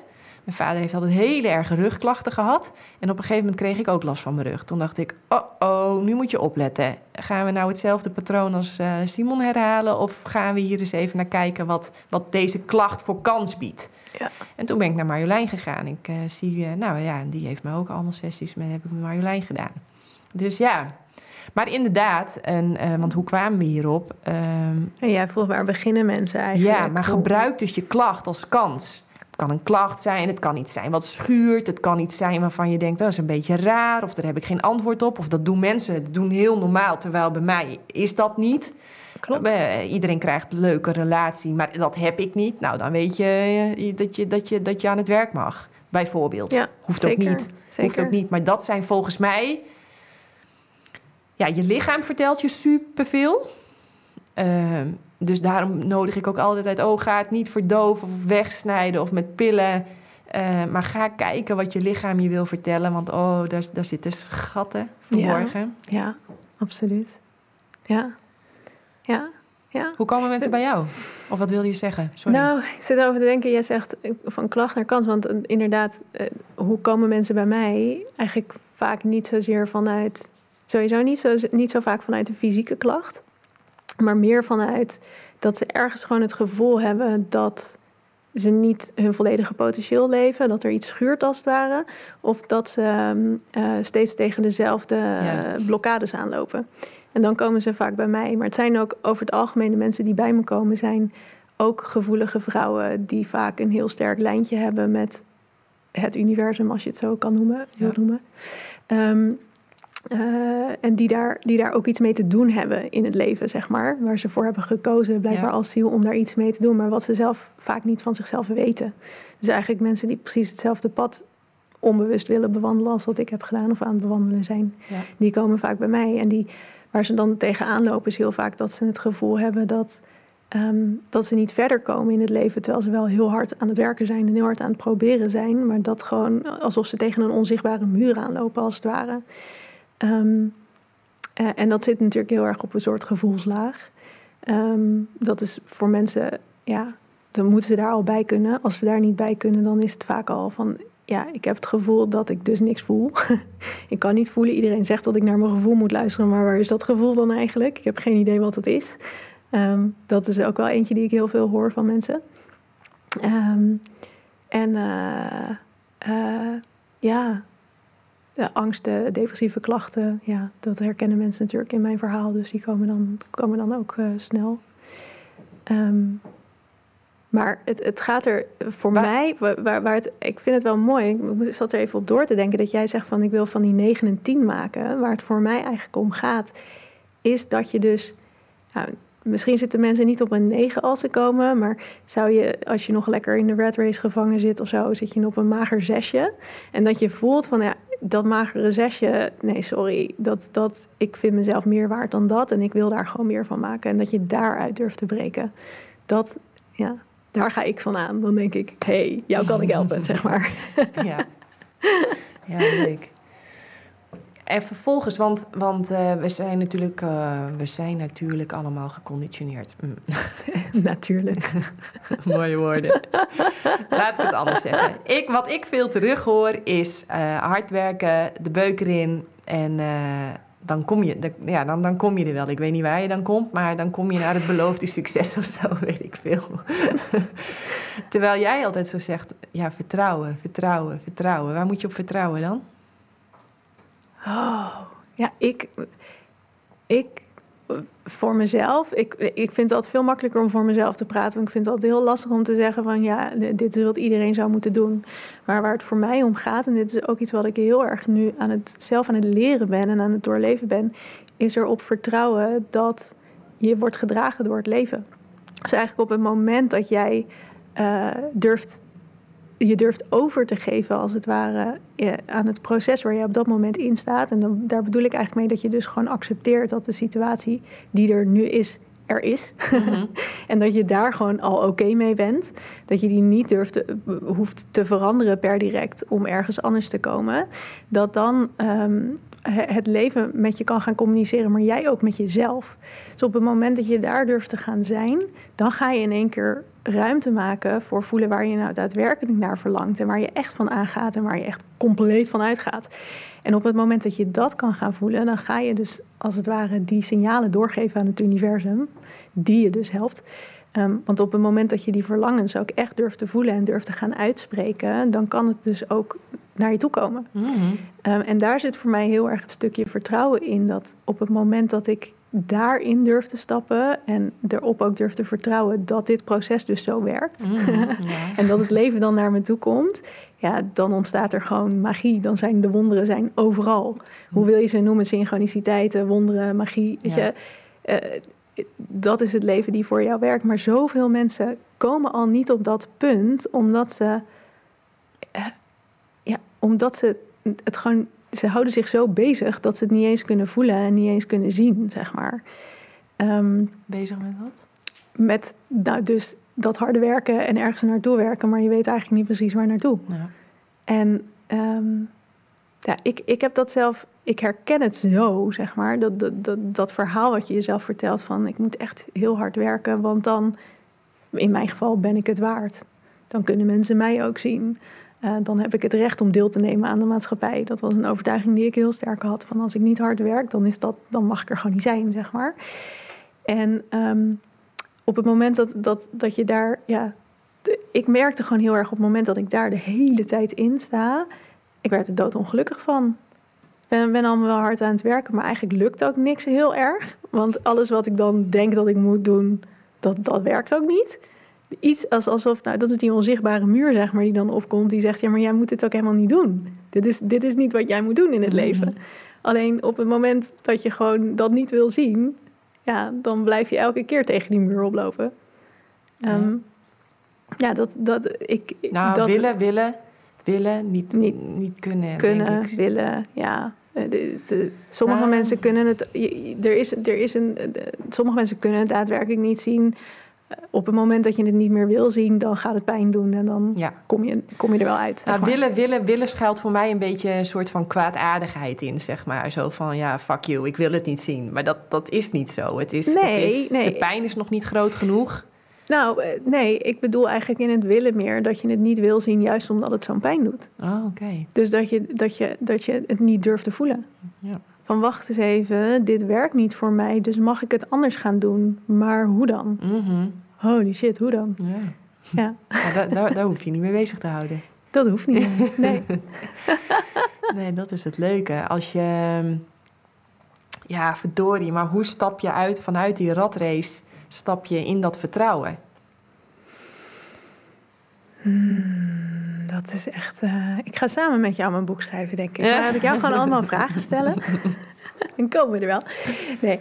ehm, oh, ja, hoe stap je in dat vertrouwen? Ik denk dat je, je heel klein beginnen. Door gewoon eens iets te doen wat compleet uit je comfortzone is. Is het niet veel anders? Sorry. Ik, Nee, ik mag maar. natuurlijk, jij gaat het boek schrijven, maar ik heb dan een suggestie. Ja. Begint het niet met gewoon te weten wie jij eigenlijk bent? Wat jij bent. Jij bent een spirit. Je bent, je bent een creërend wezen. Je bent...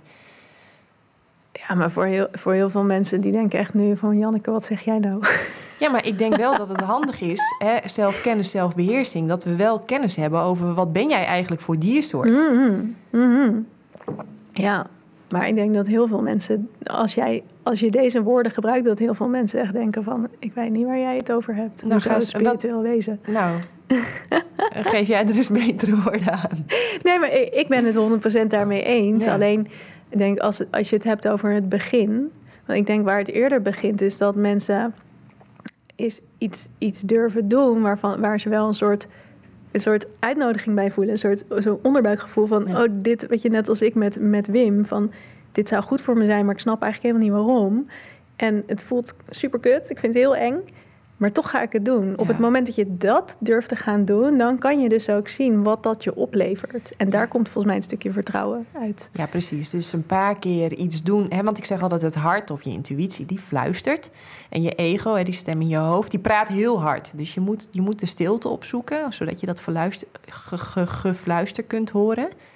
En dan inderdaad een paar keer een succeservaring opdoen. Oh, grappig, ik mag erop vertrouwen. Oh, grappig, daar liggen allemaal schatjes en allemaal padeltjes verborgen. Ja. En, dat, en, dan, en dan wordt het steeds groter. En op een Ja. gegeven moment denk je, oh, ik heb dat hele fucking systeem niet meer nodig.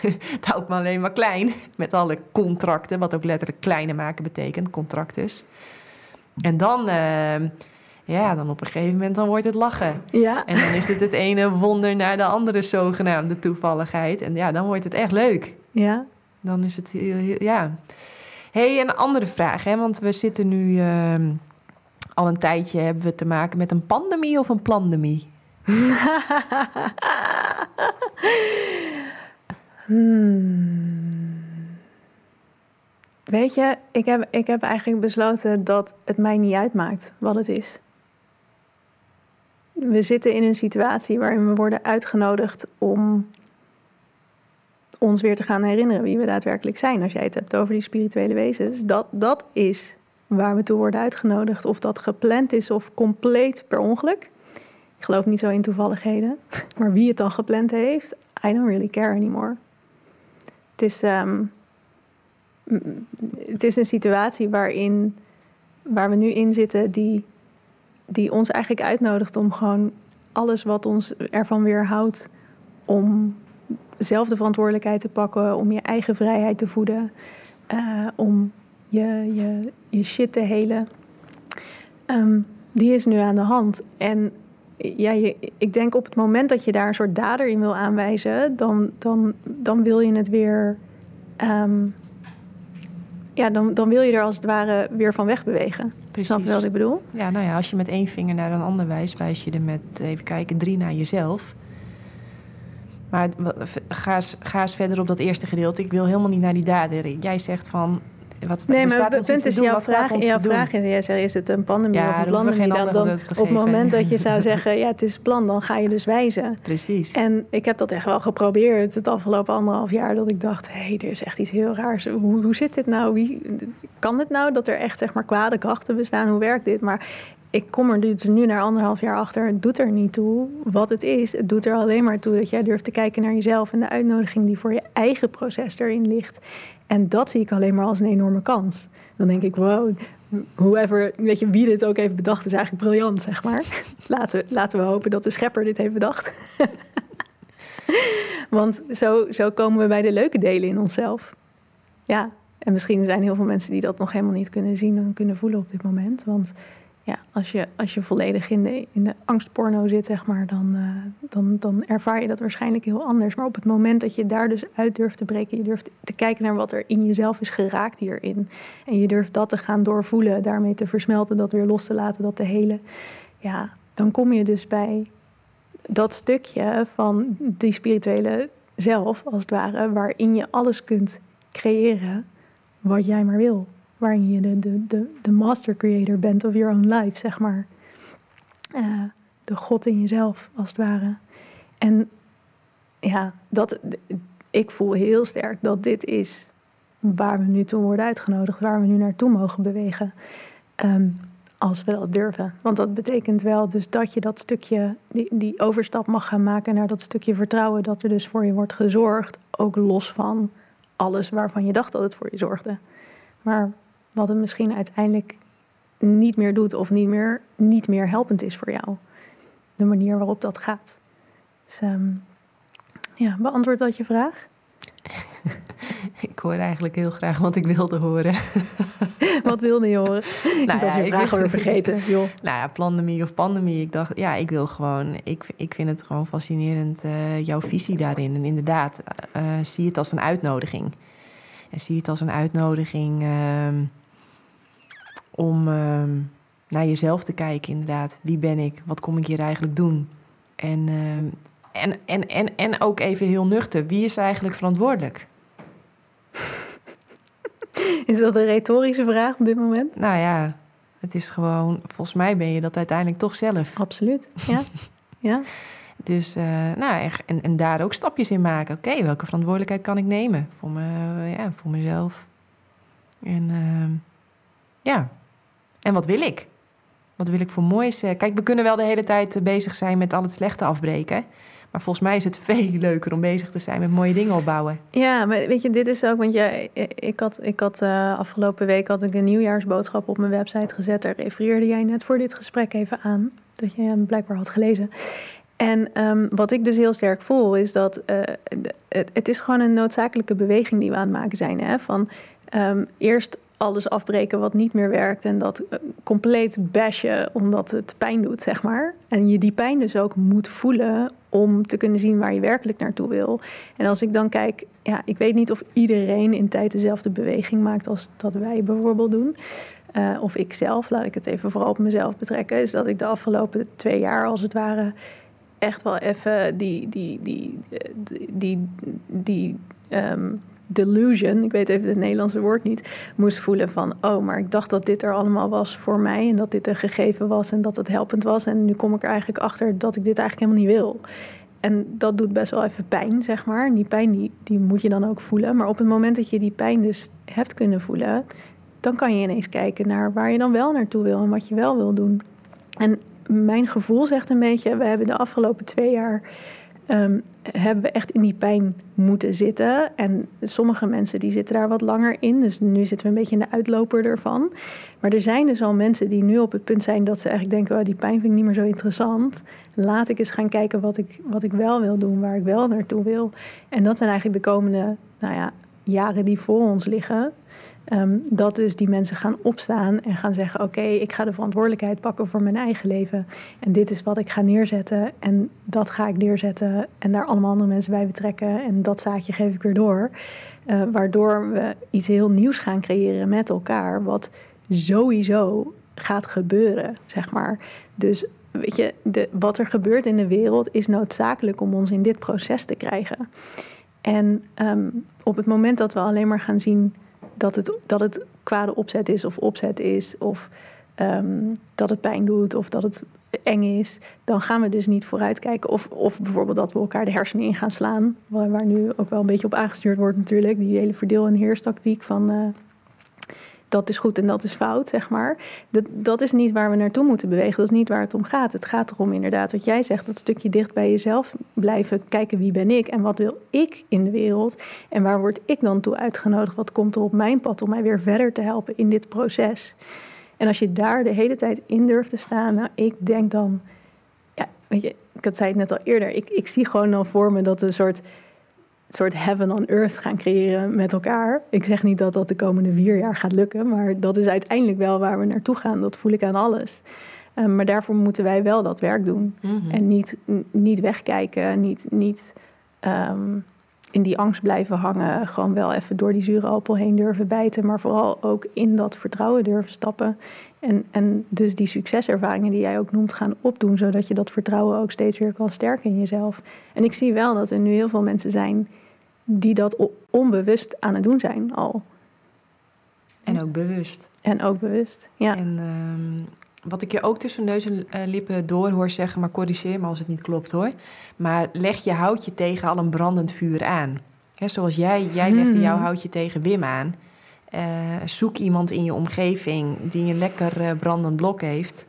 En ga, ga, daar, oftewel zoek hulp, vraag hulp. Doe het niet alleen. Absoluut. Ga ja. samen doen. Ga, ga naar mensen toe waarvan je denkt: ja, die doet iets wat ik graag wil. Of die heeft iets wat ik graag wil. Maar zoiets, dat, dat, dat zou al een heel fantastisch begin zijn. Ja. Dus zoek, ga een lijstje maken van mensen die je vrienden nog niet zijn, maar waarvan je super graag wil dat het je vrienden zouden worden. Zoiets, dat zou alweer een. Dat zou super cool zijn. Ja, ja. Zo, Ja. zo, zo kan het eh, werken. ja. Ehm, nou ja, later als ik groot ben, dan wil ik graag een, een boek schrijven over de liefde. Om de simpele reden dat eh, iedereen het heel graag wil. En het hebben van een, een fijne relatie. De meeste mensen er ook wel aan doen. Ehm, maar het voor heel veel mensen ook echt een ongelofelijke struggle is en helemaal niet lukt. Ehm, maar in dat boek eh, over die liefde, wat, wat moet daar volgens jou echt in komen te staan? Wat is liefde voor jou, Janneke? Ja, liefde voor mij is. ehm, ja, dat is een mooie vraag. Nou, het begint eh, bij jezelf.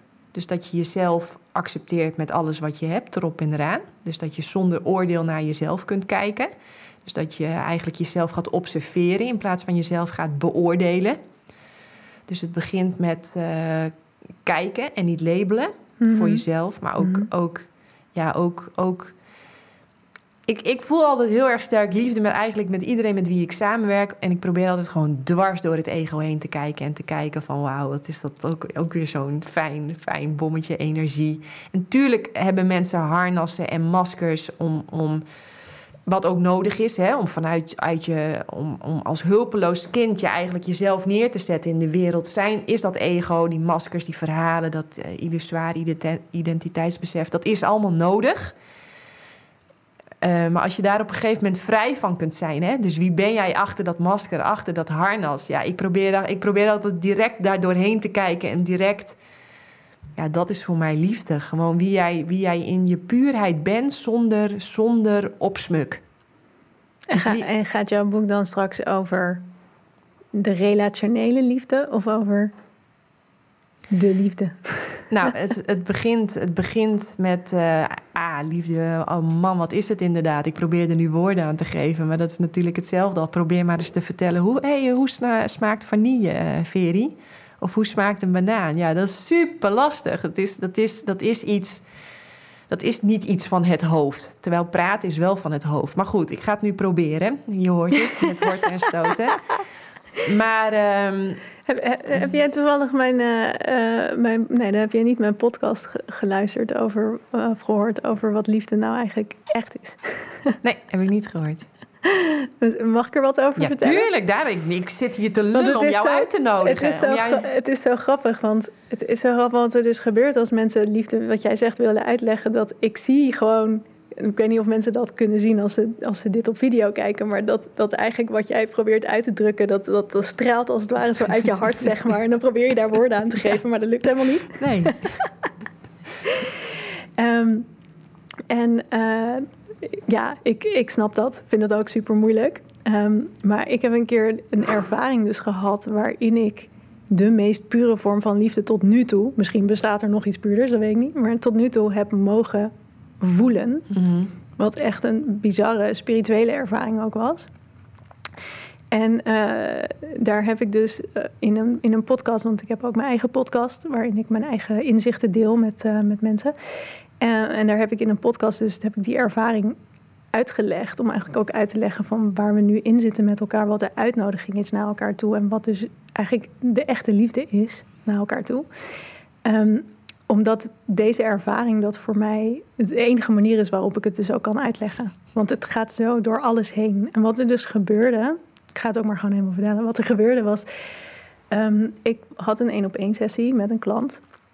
En uh, nou komen er sowieso af en toe wel entiteiten voorbij in die één op één sessie. Dus dat is niet zo heel gek. Alleen zij, um, deze klant in kwestie, uh, is heel christelijk.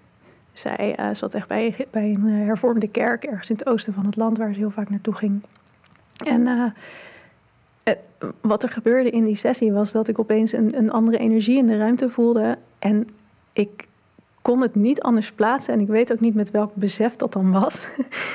Want ik ben niet religieus opgevoed. Ik ging ooit wel naar een christelijke school, maar dat was meer uit een soort van uh, algemene ontwikkelingsperspectief of zo. Mm -hmm. um, maar die, ik voelde gewoon die entiteit in die ruimte en ik dacht: dit is Jezus. Echt, ik weet niet wat, maar dit is, dit is hem. Uh, en hij is hier om haar te vertellen dat zij hem weer in haar hart mag sluiten.